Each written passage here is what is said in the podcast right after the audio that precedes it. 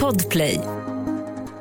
Live från Sin City, Las Vegas, Nevada, USA och Stockholm, Sverige. Du lyssnar på The Daily Messiah, den ledande nyhetspodcasten i Sverige just nu. Det är torsdag, jag heter Messiah Hallberg. Klara Doktorow. John Wilander Lambrell. Eh, Klara, det här känner du till, uttrycket What happens in Vegas stays in Vegas. Ja, eh, jag var i Vegas en gång med mitt ex och då försökte jag ta honom till en strippklubb men, men han vägrade. Ja, nu berättar jag det för er så att då stannade det väl inte i Vegas I guess. Men jag förstår uttrycket och ja. Det är ju återkommande i populärkulturen och det är, ja, alla har väl hört det, men om man inte känner till det så är det ju att det händer så mycket sjuka saker här i Sin City, i syndernas stad, att det är bäst att det stannar här. Alltså det som händer här Ja, det är nästan en frizon. Här kommer man undan med lite vad som helst. Det finns liksom bordeller ute i öknen, det finns eh, narkotika lite här och var. Det är, Man spelar bort alla sina man pengar. spelar bort alla sina pengar, mycket sprit och sådär. Det, det är liksom en, eh, ja, en syndens näste. Och vad som händer i Vegas, John, det stannar i Vegas och det gäller speciellt den här resan kan jag säga. Den här som du och jag har varit på nu. Det finns ingenting av det här som du sprider vidare din jävel. Nej, men det lovar jag. Ja. Du nämner En, inte. en som jag ville nämna det så, Du nämner så inte. kan jag inte. Du Va- nämner va- inte. Men vad skulle det vara? Nej, du nämner inte all eh, spenat som jag åt med parmesan eh, nere på SW Steakhouse. Det nämner du inte. Det nämner du inte. Du nämner inte heller dagsfesten med David Guetta som gjorde att vi gick och la oss 19.30 den kvällen. Det stannar i Vegas kan jag säga. Det stannar i Vegas. Jag vill inte att det här lämnar den här stan. Nej, det vill inte jag heller. Nej. Men nu har du pratat om det då. Jag vill inte att du nämner Strawberry Mojiton för 70 dollar. Inte ett ord om den. det stannar i Det Vegas. stannar i Vegas. För att om det här kommer ut, om media Stockholm får reda på de här skandalerna, då jävlar är det det över. Att du har gjort syndens stad så som den ska göras. Gå och lägga sig 19.30. Alltså, det här är den minst sinnfull resa några någonsin har haft i Vegas. Alltså, jag tror att, jag tror att liksom så KDU, Kristdemokraternas ungdomsförbund, skulle kunna titta på oss. Vilka jävla eh, mj- mjäkiga killar de där två är. Vilket är, jag tycker det är hedrande. Jag är fan 39 år gammal. Jag, jag tänker väldigt mycket på bakfyllan så här, men det har varit väldigt lite det är inga prostituerade, det är ju bra. Inga droger, det är också bra. Men nästan knappt någon sprit. Väldigt mycket god mat. Lite sol, men inte för mycket sol för då fick John ont i huvudet. Han brände sina lår bland annat. Det var ju- Det är väldigt stark sol. jag var tvungen att gå upp och vila. Men Svettades du inte ens då när du brände dina lår i och med att du inte Nej, svettades? svett, jag brän, nej, nej, svettas gör jag inte, men jag bränner mig. Ja, ja, ja. Ja, men du hör, det är liksom, det är ganska mycket sådana historier som bara händer här i Vegas och som, det är väldigt viktigt att Det jag- syndigaste vi gjorde var ju att vi kom upp i tid till frukosten. Det gillar du inte. Nej men det är syndigt för mig. Ja, det är det. Alltså Ja, det tycker jag är jävla synd. Det finns någonting fint i att man, man kan göra Vegas så purrent som vi har gjort det. Alltså att man skulle kunna vara en sån korgosse. Och det låter så deppigt. Varför det? Det är inte Nej jag deppigt. vet inte. Ja, ja, okej. Men jag har väl haft det kanon. Ja, jätte, det var toppen. Ja. Ja. verkligen. Men ja, när du sammanfattar det så, det är Jo inte men så... vad fan, vi är väl inte från liksom så Skara som Filip Hammar är och liksom måste... Alltid Filip Hammar. Men vadå? Har han gjort dig? hängt- Nej, Var Varför det tog då att han det? dömde ut dig alla mot alla? Nej, det har jag inte gjort. Jag bara, jag bara tycker att... Ja, Strunt samma. Det här är i alla fall The Daily Messiah och det som händer i podden idag, det stannar i podden.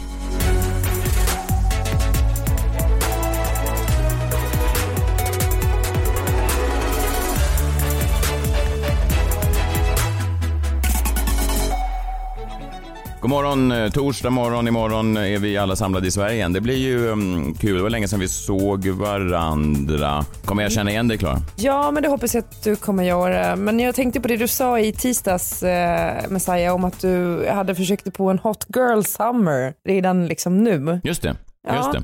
Inspirerad av influensen Alice Stenlöf som skulle ha en Hot Girl Summer. Ingen skulle få komma i vägen, inget parförhållande skulle få stå i vägen för henne och hennes lycka. Nej. Och Hot Girl Summer, det är väl, ja det vill, har väl jag och Alice egentligen samma take på. Skönt singelliv, mycket snubbar Ja. och ingen som står i vår väg för, för att hitta lyckan. Jag Och förstår. varmt, alltså hot är ni. Alltså, bra. Ja, Och snygga då. Ja, tajta. Ja, men jag, för jag tänkte tajta. på Jag har varit nere och joggat varenda dag här i Las Vegas. Det är Ja, lite har sinfullt. det. För att jag blev Ja, inspirerad av just exakt det där. Jag letar nu efter ett nytt träningsmål. För att i mellandagarna så åkte jag i skidor i fjällen och då kunde jag knappt ta mig ner för blå backe utan att få panikångestattack. För jag var så dåligt skick liksom. Och sen har jag börjat ju hårdträna. Och nu när jag åkte i påsk så gick det jättemycket bättre för att jag ju hade tränat och liksom lyft vikter och sådär. Så då tänkte jag, när du sa det där om Hot Girl Summer så tänkte jag så här, ah, där har vi någonting. Mitt nya mål är då att jag ska ge mig på en fit girl summer. Alltså inte fit, ja ni förstår. Nej. Nej, precis, jag förstår. Ja, men ja. Båda, båda de där tycker jag är okej, för jag dömer ingen sådär. Men, men, men visst. Fit girl summer. Ja, nej, men... Ja, det är väl en omskrivning för en hot girl summer, är det inte det? ja, men det, Eller? Det är en mer är. syndfulla versionen. Mer vältränad och mindre fitta då, men jag tänkte med den här fittan ska jag ta mig upp på Kebnekaise så jag börjar hårdträningen nu för det. Vilket också har resulterat i och för sig att jag sitter här nu med någon slags slags ansträngningsastma. För jag tycker det är jävla jobbigt att ta sig upp för den där kullen. Så att eh, man får ligga i hårdträning. Men ni kanske kommer att se det när vi ses igen. Att jag kommer ha någon ny liten muskel här och där eller ja, ni vet. Men välkommen till min... Är det eh, så synligt alltså? Nej, det tror jag inte. Absolut inte. Eller kanske lite. Men välkommen till min Fit Girl Summer. Om det är någon som vill sponsra mig, hör av er till mig. Slide in. Och så är det bara att, ja, jag behöver lite allt möjligt till det här. Mindre samarbeten tänker jag för dig. Jag tänker du, hela du samarbetar. Ja, ja det börjar bli så. Trillar in verkligen. olika samarbeten till höger och vänster. Vill ni samarbeta en, en, en fit boy summer som min då, min kampanj så får ni gärna slida in också. Men än så länge har ingen nappat på min hot girl summer. Det är ju nästan som att de blir äcklade av det, vilket, vilket är ju Men inte motsatt. hela grejen med hot girl och fit girl att man ska vara på stranden. Vad fan ska man vara på Kebnekaise låter ju konstigt. Alltså, ska Ja, du men visa det upp är din kropp på Kebnekaise? Där finns det väl ingen som kan se Nej, det? men det är därför jag renamar den till Fit Girl Summer. Det är en helt annan grej.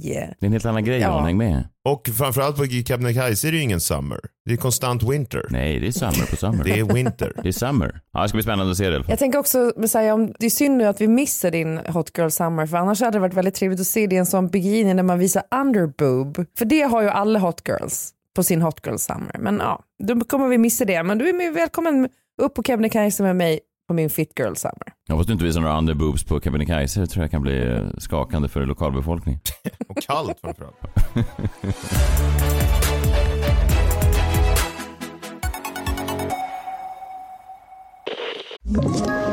Ett poddtips från Podplay.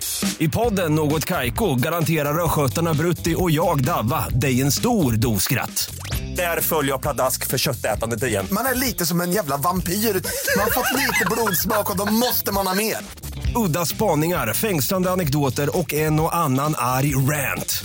Jag måste ha mitt kaffe på morgonen för annars är jag ingen trevlig människa. Då är du ingen trevlig människa, punkt. Något Kaiko, hör du på Podplay. Därför är gardinerna.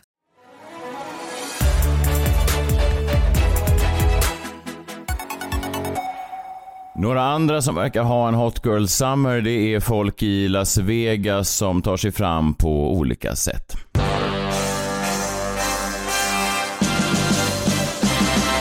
Messiahs minut.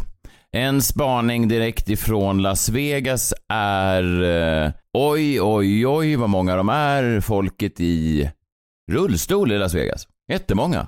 Och överallt är de. Vad kul. Ja, det- och det är väl härligt. Ja, kul ja. Men också intressant att de är så många överallt. Alltså är man i hotellpoolen så kommer de då och firas ner i sån här apparatur för att de vill bada. De. Ja, men det kommer in en sån, ja men en då, en som jag såg. Eh, Kommer in då och då är det tre män då från hotellet som kommer och, och, och firar ner den här personen. Och på de här små smala broarna som går från mellan de olika kasinorna så blir det ibland korkar då för oss andra då. Eller jag ska inte separera oss men vissa tar ju mer plats och det är ju de i stol då. De tar ju mer plats rent fysiskt. Ja, tar längre tid i, ru- i Ja, rulltrappan. jobbigare för dem såklart. Och då blir det som korkar och då tänker man så, vad är det som händer där framme? Är det, är det liksom, har det blivit terrorattack? Är det någon olycka? Nej, då är det ofta någon som åker rullstol och så blir det som ett stopp. Och de är jättemånga här. Och det bara slog mig mig att det var intressant val av resmål, för det är inte det mest... Jag vet, det är svårt att sätta sig in i hur jag skulle tänka om jag plötsligt hamnar i en rullstol, men jag tänker, det har ju varit väldigt lite dragning till, för mig personligen till Las Vegas då ur rullstol. Och jag tänker att om jag då plötsligt skulle hamna i rullstol så tror jag inte att den dragningen skulle öka markant. Men, men här finns det kanske då, finns det en koppling mellan att sitta i rullstol och att Las Vegas symboliserar, apropå det här med Sin City, alltså att det finns någonting, en frihetslängtan i det här, för jag har aldrig sett så mycket rullstolsmänniskor i samma stad. Nej, det är faktiskt en grej. Men kan det vara att de är dödssjuka då? Och att deras sista resa så vill de liksom spela bort alla pengar så att inte liksom familjen ska få ärva någonting. Finns det någonting där? Att man är liksom, att det är, man är i slutet på livet och vill åka till Vegas? Eller att det är ännu deppigare att de inte har råd med sin sjukförsäkring och försöka spela in pengar för att ha råd med sina behandlingar. Eller sin nästa rullstol. Eller reparationerna på rullstolen. Usch vad hemskt. Att de åker hit för att samla upp pengar till sina rullstolsreparationer, det vet Men jag vet Det låter ju- lite Ja, långsökt. Ja fast när min mamma och pappa var jättefattiga så åkte hon till travet och spelade in liksom på hästar för att få råd till, till mina syskons liksom, träningsoveraller som de behövde på fotbollen. Så att det är, folk gör så. Hur gick det då? Ja, jo, hon vann. Blev det några overaller? Det blev Ja, det overaller. vad bra. Ja, Men jag menar, ibland när man får sådana här eh, idéer eller spaningar så tänker man så här, fan, nej, men jag, man har ju en släng som poddare eller vad fan man nu är, satiriker eller något, något sånt här annat larvigt tillmäle som man sätter på sig själv. Man har olika spaningar, tänker man, det här kanske inte finns någonting i det. Och sen så bara slog det mig, vänta nu, min kompis, eh, vi kan kalla henne T, min kompis T, hon jobbade ju förut som personlig assistent. Har inte hon nämnt det här någon gång? Jag tänkte på det här när vi flög över Grand Canyon också. Har inte hon nämnt någonting om det här med rullst- kopplingen rullstolar, Las Vegas, Nevada, Grand Canyon? Och hon var då personlig assistent och då jobbade hon för en person i Sverige som satt i rullstol. Så jag kontaktade henne och sa jag så här, var inte du eh, caretaker då för en person i rullstol? Jo, det var, det var jag. Visst var ni i Las Vegas, frågade jag. Ja, det var den här personens högsta dröm. Men Den ville till Las Vegas, den ville åka helikopter över Grand Canyon. Supertrevlig tjej, dessutom blind. va? eh, Oj. Ja. Ja. Då berättar hon att det här är vanligt, jättevanligt att många i rullstol drömmer om Las Vegas. men du vill ju också åka helikopter här. Jo, Så men ni är sam, du är som en rullstolsburen person fast utan rullstolen. Fast det är väl många som åker helikopter utan, utan att vara rullstol, människor i rullstol. Men i alla fall. Och då f- frågade jag, fick du något svar i det här, vad, som, vad det här beror på? Ja, det är då, alltså inte den här tjejen då som min kompis tog hand om, men annars många amerikaner i rullstol, de åker hit då efter att ha skadats i krig. Alltså deprimerade. Veteraner. Veteraner. Alltså det, det här är då någon slags Ja, ja. en fulländning av den amerikanska drömmen som de då kanske har blivit berövade på i viss mån. ja och Eller- som de också har slagits för. Ja, precis. De har slag... benen för. Ja, de har förlorat en del av sin kropp Ja. för Las För Vegas. friheten i Las Vegas. Ja, för Ja. liksom USAs Mm, klimax. så är det ju såklart. Ja. Ja, ja. Och då tyckte jag plötsligt att det var ganska, Ja, ganska fint. Väldigt fint. Att de rullar runt här i den här stan som de har liksom gett sin kropp för och sina lemmar för. Otroligt. Det är Ja. liksom en enda stor veteranparad då vi. Ja. Alltså vad fan är det inte, ja. Nästa gång vi går förbi en sån här kork så får vi säga då thank you for your service. Det är inte Thank you for your konstigt om vi är från service. Nej men vad Jo fan. men, de har, jo men de har ju stått upp för liksom, Friheten i hela världen. friheten i hela världen. Ja, jag tyckte det var, det var ett fint slut på historien. Från att först då man stod och tittade över vad är det som pågår där framme, varför kan de inte bara hoppa ner för trappan? Sen förstod man rullstolen, sen förstod man kopplingen och sen förstod man att man hamnar i rullstol, man, är med, man har varit med i krig, man har varit med om hemska saker och sen vill man bara se då vad man gav sina ben för. Och det är då det här som John och jag nu har upplevt. Det som händer i Vegas stannar i Vegas. Och jag är ganska säker på att de i rullstolen också ser på oss och tycker att vi kanske kunde unnat oss lite mer än bara den där goda spenatröran som jag åt häromdagen. Är det det här jag har slagit för, att ni ska äta parmesan spenatröra? Är det det här jag förlorade mina ben för? Nu när jag tänker vilket hån mot dem. Det är ett jättehål. De gav sina Ja. två ben för att jag ska gå och lägga mig 19.30.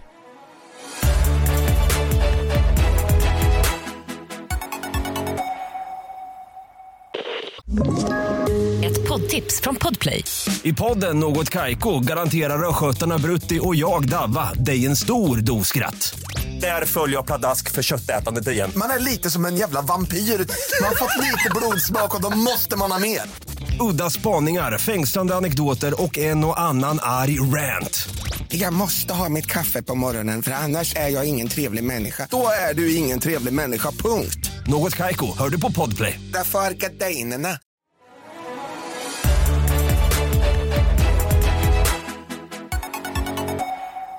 Okej John, nu är det dags. Krimmorgon, torsdag. Alltid kul när du tar de lite lokala fallen. Krimmorgon.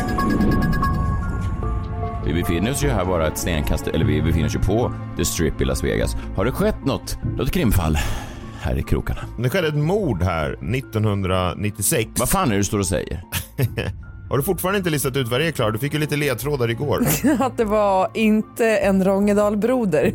Nej, utan det var den andra Rångedalbrodern. Mordet på honom Nej men alltså, men grejen är så här, det är nästan, det finns väldigt få, jag brukar alltid researcha lite där vi är, eh, vad det finns för mord och så här och det finns förvånansvärt få liksom intressanta, jag ska inte säga ordet godingar, men alltså så i, i Las Vegas. Det finns ju mycket sådana mob hits, maffiafolk och annat som har dödats och grävts ner här i öknen. Men det är, liksom, det är inte jättespännande tycker jag i alla fall. Nej. Men det skedde en grej då i den 7 september 1996 här i Las Vegas. En av dåtidens kanske mest kända artister som idag då skulle ha fyllt 53 år. Så blev det inte. Den här personen blev bara 25 år gammal när han sköts ihjäl på The Strip i Las Vegas. Det här mordet är fortfarande ett cold case. Det löstes aldrig. Det är också en öppen då så kallad homicide investigation. Polisen utreder det fortfarande. Jag vet inte riktigt Ja. hur det är med den saken, men rent formellt så är det det i alla fall. Men det är han den där rapparen. Så är det. Han den där rapparen, också känd som Tupac Shakur. Ja, Som, ja. ehm, Ja, han är ju känd ju. Han är ju nästan lika känd som han den där regissören som Klara pratade om igår. Ja, men eh, han den där rapparen var i alla fall på sin tid då en av världens största artister. First off, fuck your bitch in the click you claim. West side, when we ride, come equipped with game. You claim to be a player, but I fucked your wife. We bust on bad boys, niggas fuck for life. Plus, Puffy tryna see me weak, hearts I rip. Biggie Smalls and Junior Mafia, some mark ass bitches. Över 100 miljoner album, eh, vilket gör honom till en av de bäst säljande artisterna genom alla tider. Tupac var ju även skådis eh, och samhällsaktivist och MTV hade rankat honom som etta på sin lista över tidernas största MCs då, vilket var väl ett mer eh, använt uttryck på 90-talet. Eh, men han har ju liksom blivit en kulturell ikon, Tupac Shakur. Och en intressant grej med det här mordet är att det bara för ett år sedan eh, kom ut vad Tupac Shakurs sista ord var som han yttrade till en polis precis innan han tog sitt sista andetag. Det har den här polisen nu gått ut och berättat. Eller den delen av, av utredningen har öppnats upp och vi ska återkomma till vad Tupac Shakurs sista ord faktiskt var för jag tyckte att det Ja men det säger någonting om hans, det sammanfattar lite grann vem han var tror jag. Var det Faux Schissel? Eh, nej. Men själva mordet då? Tupac Shakur hade varit i stan som så många andra då för att se Mike Tyson fightas. Mike Tyson var ju ja, men megastor vid den här tiden. Hans fighter drog ju in hiskeliga mängder pengar. Det var kändisar från rad 1 upp till eh, läktaren på hans matcher. Eh, Mike Tyson var ju också god vän med Tupac Shakur. Båda två dömda för våldtäkt. Precis. Kanske inte var därför de var vänner, men... Nej, eh, men båda två dömde och det, man glömmer ju det ibland med, med Tupac att han satt inne i fängelset eh, för eh, våldtäkt då.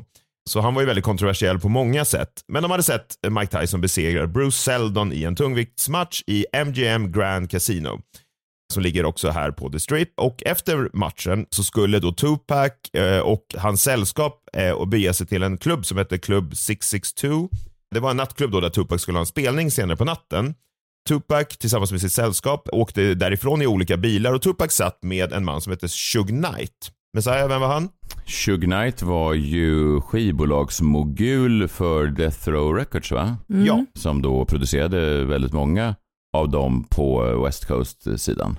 Ja precis. Ja. Eh, han var ju väldigt stor på den tiden, både inom branschen och också bokstavligt talat, kan man ju säga. Precis, han, var när, han låg närmare Biggie Smalls i kroppsstorlek än Tupac Shakur. Ja, verkligen. Ja. Eh, och de här två satt då ensamma i en BMW eh, med flera bilar som, som följde dem bakom eh, på väg till den här klubben och vid korsningen Flamingo och Koval stannade man omkring klockan 23.15 vid ett trafikljus och precis då körde en vit Cadillac upp bredvid den här bilen och föraren i den här vita Cadillacen avlossade fyra skott mot Tupac och Shug Knight. Eh, Shug Knight var bara en hårsmån eh, från döden Eh, Men han klarade sig medan Tupac dog av sina skador på platsen. Det var liksom det vi vet om hur mordet gick till. Men vem var det som sköt då? Eller kanske låg bakom? Det har ju funnits många teorier eh, kring det här mordet genom åren. Jag tänkte väl ta de här tre, fyra mest kittlande teorierna varav en av dem kanske är det som faktiskt ligger närmast sanningen, i alla fall vad jag tror. Men den första teorin har ju varit den här Notorious B.I.G-teorin. Messiah, du nämnde ju honom, Biggie Smalls. Vem var han? Ja, men om, om, om Tupac var västkustens största rappare så var ju Biggie Smalls då New York-scenens största rappare. De var ju vänner, eh, sen blev de ovänner på något sånt sätt som rappare ibland bara blir ovänner, lite likt eh, Einar och Haval i Sverige här. Att, de, eh, att det verkar vara en eh, tunn gräns. Det är som att du och jag plötsligt skulle bli dödsfiender och inte bara sluta smsa varandra utan då även kräva varandras eh, liv då. Att, att John måste Ja. knäppas för att jag ska kunna leva. Det är ju... Du skulle kunna inte- fortsätta podda i fred. Och att jag skulle mig. då representera någon kust och du den andra kusten. Ja, precis. Norra Djurgårdsstaden då mot Vasastan. Ja, ja men precis. Det var, och, och det utvecklas en, en väldigt hetlevrad um, rivalitet och därför blir det ju roligt ibland när folk i Sverige, sådana här upprörda moderater är så här, ja men gangsterrap förr var ju bara det var ju bara ord, det var ju bara lek, det var ju, det var ju inte på riktigt. Så bara, nej fast vad menar ni? Alltså gangsterrap, det har ju alltid varit real life bakom. Det har alltid varit rivaliteter som har lett till dödsfall och sånt där. Så att det är ju en del av genren. Sen kan man ju välja om, om man kan tycka att så här, P3 ska stå, stå bakom det. Men jag menar just att, alltså, att inbilla sig att det kom nu med svensk gangsterrap så 2021 är ju att göra sig själv till en idiot. Ja men verkligen och framförallt så, alltså Biggie Smalls, Notorious B.I.G. han sköts ju också ihjäl mindre än ett år efter mordet på Tupac. Det är också olöst. Eh, så man har ju spekulerat mycket kring om de här liksom hängde ihop och det var ju en journalist då, som heter Chuck Phillips som publicerade eh, en artikel i Los Angeles Times på den sjätte årsdagen av mordet som blev väldigt uppmärksammad där han la fram den här teorin då om att Notorious B.I.G. hade anlitat någon för att skjuta Tupac.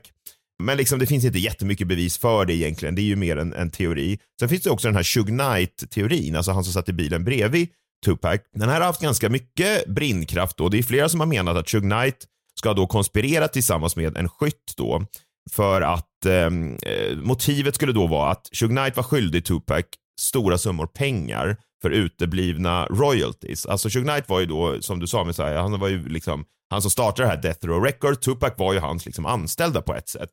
Och eh, teorin då är att Shug Knight var skyldig Tupac massa pengar, pengar som han inte ville betala och istället då sen, iscensatte det här eller hyrde en skytt. Men den teorin är ju liksom, den faller ju lite grann på att Shug Knight var liksom en hårsmån från att själv bli skjuten Ja. i huvudet. Eh, vilket, ja, han kanske inte var världens skarpaste, jag har ingen aning, men det låter ju som en dum grej att göra. Alltså, att- Ja, om man inte är super då mån om att... eh, det har ju genom historiskt sett funnits sådana där idéer när någon har sagt att får, får det se ut som att jag nästan mördas också för att komma undan. Men han känns snarare som att han är lite för dum för att tänka så långt. Förstår du vad jag menar? Alltså, Men han, är inte, han kan inte vara jättedum som har byggt upp det här eh, skivbolaget och sådär. Så att, eh, halvdum då. ja, okej. På tal om halvdum då, så finns det ju också P Diddy-teorin. Jag menar, eh, den teorin... Jo, men det, det som hände var att 2011 så publicerade eh, en av utredarna i fallet, Greg Kading, eh, en bok då som heter Murder Rap, The Untold Story of the Biggie Smalls and Tupac Shakur Murder Investigation, som han hade varit involverad i, i alla fall mordet på Tupac. Och han menar då att P Diddy beställde mordet på Tupac Shakur och att, han hyrde in det här Crips-gänget då från Kalifornien för att utföra det.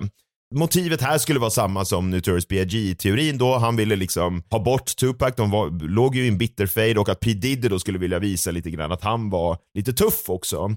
Eh, för han eh, har väl alltid liksom omgärdats lite grann av den här bilden att P Diddy är liksom, han, det är väldigt få som kallar honom en gangsterrappare. Nej, han är väl, eh, vad om man då återkopplar till den svenska scenen nu, så är han väl vad många kallade Einar för också, då, en någon slags studiobandit. En gangster som är tuff på, i inspelningsstudion, men kanske inte utanför. Nej men precis, och då skulle då han eh, göra det här P för att visa, få lite cred då. Mm, och den här teorin, eh, man kan säga vad man vill om den, men den har ju stötts och blötts och många tror ju på den. Eminem rappade ju till och med för något år sedan eh, om det här. Han sa att, eh, att det var, ja, visserligen in jest, men ändå att det var P Diddy som eh, beställde mordet på Tupac. Ah?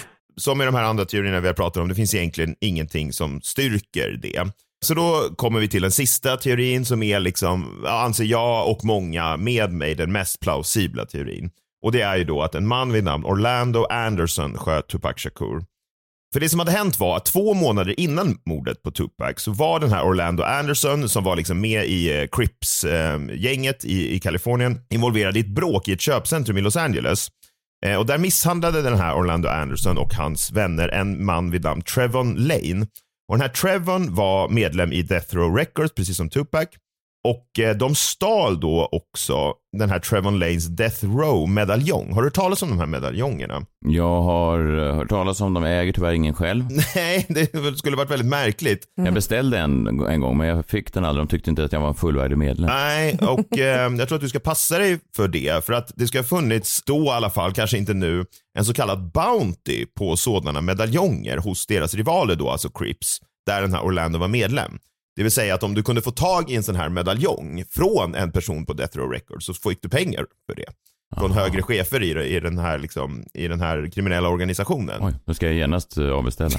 ja, det tycker Det var jag. någon sån tv-shop jag beställde. Jag vet inte. Ja, fast då är det nog, då kan det vara fake eh, då. Det var han den här göteborgaren, kommer du? Han som sålde dammsugarmunstycken. Ja, Nej, det eh, är några år sedan ska jag säga. ja, verkligen. Ja, ja, precis. Och själva motsatsen till Death Row Records, den här göteborgaren tror jag.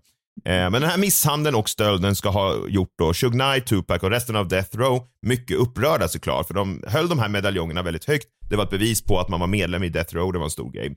Två månader senare då, på kvällen för mordet, så ska den här Trevon Lane som blev bestulen på sin medaljong ha fått syn på Orlando Anderson på hotellet MGM där de var för att se Tyson-matchen och då berättat det såklart för resten av Death Row-gänget att han som stal den här medaljongen, han är här. Och övervakningskameror visar ju sen faktiskt hur Trevon och flera av hans vänner misshandlar den här Orlando Anderson inne på hotellet i lobbyn. Och det är eh, den personen som slår första slaget mot Orlando är Tupac Shakur. Och tre timmar senare är Tupac död. En mordutredare sa till media några dagar efter mordet att Orlando Anderson inte var misstänkt. Vilket var väldigt märkligt då, för man hade ju sett den här övervaknings övervakningsfilmen. Polisen följde heller inte upp flera av vittnena till händelsen, bland annat rapparen eh, Yaki Gaddafi som, som påstod sig ha sett hela förloppet från bilen bakom där han satt. Han var ju med i Tupacs gäng då. Och att han kunde namnge den här skytten hade han sagt. Polisen följde aldrig upp det här och Yaki Gaddafi blev senare själv skjuten två månader efter innan polisen pratat med honom. Det här ska väl ha kommit och känneteckna den här utredningen. Polisen har alltid fått kritik för det här, att man tänkte att jaha, men det här är nog Kalifornien-folk som är här och skjuter på varandra. Vi orkar inte liksom utreda det här och det har ju egentligen inte utretts någonting. Det visar ju det här att man har missat och, och eh, att förhöra då en person som säger sig ha sett vem skytten var och skulle namnge honom. Det sägs ju att han skulle namnge då den här Orlando Anderson. Tupacs mamma gillade ju inte den här eh, utredningen. Han var ju väldigt tajt med sin mamma. Så hon filade en sån här wrongful death lawsuit, alltså ett enskilt åtal som man kan göra då i USA. Man stämmer någon för ett brott typ. Det är ingen åklagare involverad. Och den här Orlando Anderson stämde å sin sida Death Row Records för de här skadorna han ska ha åsamkats under deras bråk. Och det som hände var faktiskt att ett par år senare så settlade eh, familjen Shakur allt det här eh, med Orlando Anderson. Det utbyttes då pengar, vi vet inte riktigt vad det var. Och det som var intressant med det här, att bara timmar, alltså timmar efter att alla papper skrivits på i det här settlementet så sköts Orlando Anderson ihjäl i en, då, en gänguppgörelse. Som också är olöst. Då försvann Orlando Anderson och troligtvis också chansen att lösa mordet på Tupac Shakur. Mycket tyder på, tycker jag, att det var Orlando Anderson. Eh, att motivet helt enkelt var det som motivet så ofta är. Det är hämnd för, att, för en misshandel, hämnd för någonting. Men vi kan liksom inte veta det. Vad var då de där sista orden som Tupac Shakur sa, som har kommit fram nu de senaste året? Dog han eh, redan i, i, i bilen? Ja, precis. Han ramlade ut då. Han blev skjuten i bilen. Eh, han satt på, i passagerarsätet. Ramlade ut ur bilen då. En polis kom till platsen, först till platsen. Den polisen hette Chris Carroll. Och det kom fram nu nyligen vad Tupac hade sagt eh, till honom. Den här Chris Carroll sa Tupac tittade på mig. Eh, han tog ett djupt andetag för att kunna få ut de sista orden. Öppnade sin mun och sa sedan Fuck you.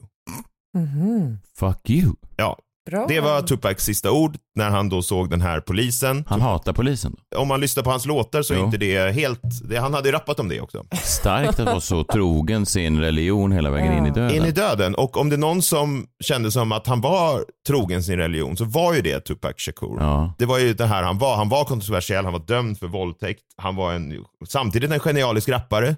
Verkligen. Man kan ju vara båda två. Ja, uppenbarligen. Det verkar ju nästan gå hand i hand eh, i, i många fall. Ja, så är det väl. Mm. Det här var hans sista ord och ett fuck you till polisen, till samhället som han så ofta hade skrivit om, eh, som han så ofta hade kritiserat. Eh, och någon lösning på mordet kommer vi nog aldrig att få. Nej, tacka fan för det när han bad dem dra åt helvete precis. kan det ha någonting med att göra att man inte vill utreda? Ja, Det kanske det- satt en lapp på, på polisstationen, så kom ihåg vad han kallar oss grabbar. du säkert. Ja, antagligen. Vi ska gå ner dit och försöka göra en liten rekonstruktion på eh, brottsplatsen här. Ja, du får spela polisen, Chris Carroll och jag Tupac. Just det, fast utan blackface. Eh, ja, absolut. Ja, det tror jag. Ja. För att det är nya tider nu. Ja, precis. Kanske du är i en rullstol också. Ja, eller så tar jag det bara från någon som rullar förbi. De är jättemånga här. I det här rödljuset i Las Vegas stannade då Tupac. Han skulle då rakt fram. Eh, Mördaren kommer här i högerfilen.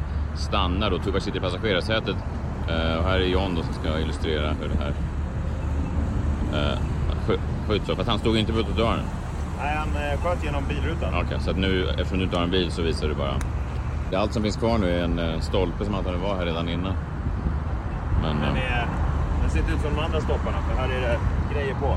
ja så är Det det. är Tupacs Så är det. Memorial Här, tog, här, här, här dog han då. Här tog han sina sista och det var här han då sen sa Fuck you till polisen. Hans sista ord. Trist. Ja, jag hoppas att vi tar oss igenom det här rödlyset med lite bättre flyt. Ju. Ja, det är väl inte så helt säkert. Men vi testar. Ja, fast ganska, ja, vi testar. Vi testar. Ja. Imorgon ses vi i Sverige igen. Tack för att ni har lyssnat. Tack för att ni har varit med oss under de här USA-veckorna. Det har varit, hoppas det har varit lika omtumlande för er som det har varit för oss. Hoppas det känns sådär som det kan vara ett riktigt bra reseprogram. Att man känner att ja, det är nästan som att vara där själv. Det är i alla fall det som jag och John har försökt åstadkomma när vi har varit här och Ja. eh, det är känslan som vi vill lämna er med. Lite lagom syndigt. Det tyckte jag. Lagom syndigt Det ja. har ni gjort jättebra. Spenatröra med liksom en, en touch av synd. Parmesan, ja med andra ord. Ja, vi hörs i Sverige imorgon. Ta hand om er själva och varandra också. Glöm inte det. En eh, God bless America.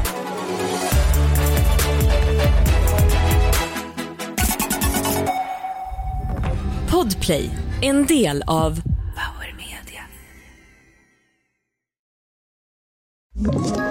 Ett poddtips från Podplay. I fallen jag aldrig glömmer djupdyker Hasse Aro i arbetet bakom några av Sveriges mest uppseendeväckande brottsutredningar.